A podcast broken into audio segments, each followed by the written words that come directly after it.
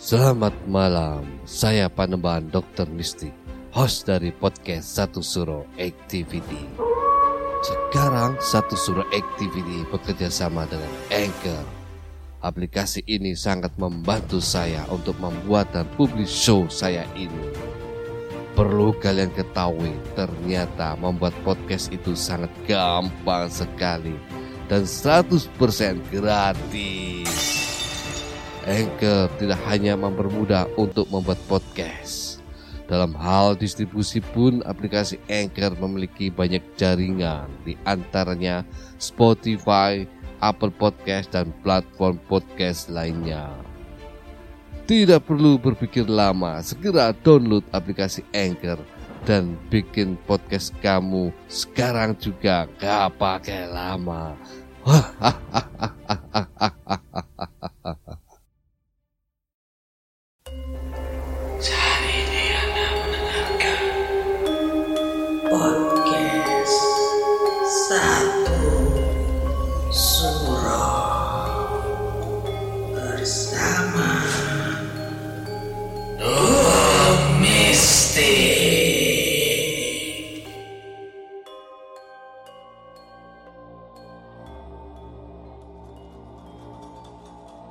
Assalamualaikum warahmatullahi wabarakatuh. Selamat malam. Rahayu, rahayu, rahayu. Para pendengar satu suro activity. Saya Panembahan Dokter Mistik. Kematian setiap individu manusia tidak bisa dihindari entah mengalami kematian karena faktor sakit, faktor kecelakaan, atau faktor sesuatu yang di luar nalar. Kematian merupakan di mana roh meninggalkan jasad fisiknya, namun roh masihlah tetap hidup sampai dengan hari kiamat yang hanya diketahui oleh Tuhan. Seperti halnya kisah mistis penampakan roh tetangga yang sudah meninggal dari Winda Kristiani.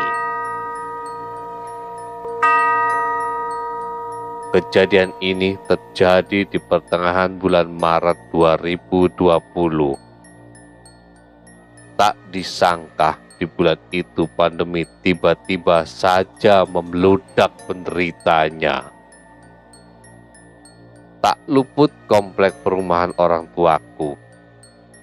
Awalnya pedagang lesehan tiba-tiba saja sesak nafas dan dilarikan ke rumah sakit. Dan besoknya beliau meninggal. Oh Tuhan, Mbak Tias, bukan nama asli sebut ibuku terkejut mendengar kabar dari tetangga.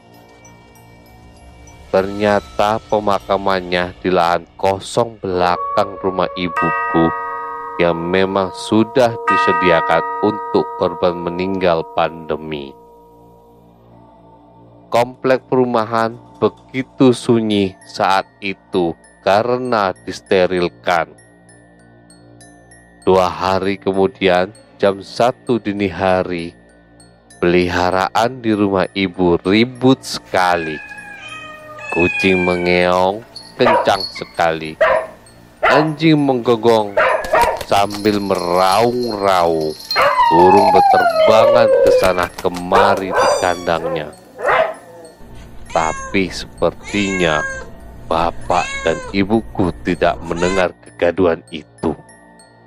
Akhirnya suamiku memutuskan untuk mengeceknya, sedangkan aku menunggunya di kamar bersama anakku. Dan menurut cerita suamiku, dia mengintip melalui jendela, tapi di luar rumah tidak ada siapa pun. Suamiku pun membuka kunci rumah dan keluar gerbang. Kaget bukan kepalang ketika dari samping rumah tetangga Kebetulan sebelah rumah tetangga masih lahan kosong yang dari lahan itu bisa kelihatan lahan yang digunakan pemakaman korban pandemi.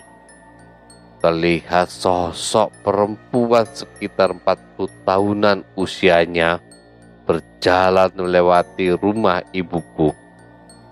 Tatapannya kosong lurus ke depan, tapi masih terlihat raut kesedihan. Suamiku lantas kembali masuk ke dalam rumah. Ada apa, Pak? Tanyaku penasaran. Gak ada apa-apa. Kucing lewat depan kandang, makanya mereka, kucing dan anjing, ribut. Jawab suamiku dengan santai. Kami pun kembali tidur sampai pagi harinya. Bu, Mbak Tias yang meninggal itu tinggi, kulitnya gelap, dan rambutnya pendek sebahu ya. Tanya suamiku tiba-tiba ketika aku dan ibu sedang memasak. Iya, jawabku dan suamiku pun terkejut.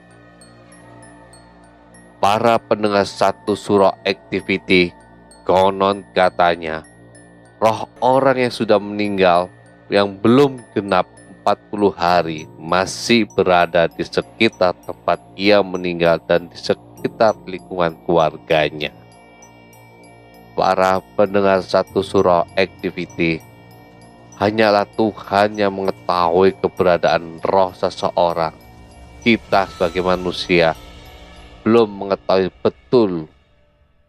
Itu semua adalah misteri yang diketahui oleh Tuhan. Walu walam bisawab. Assalamualaikum warahmatullahi wabarakatuh. Salam, salam, salam. Rahayu, Rahayu, Rahayu.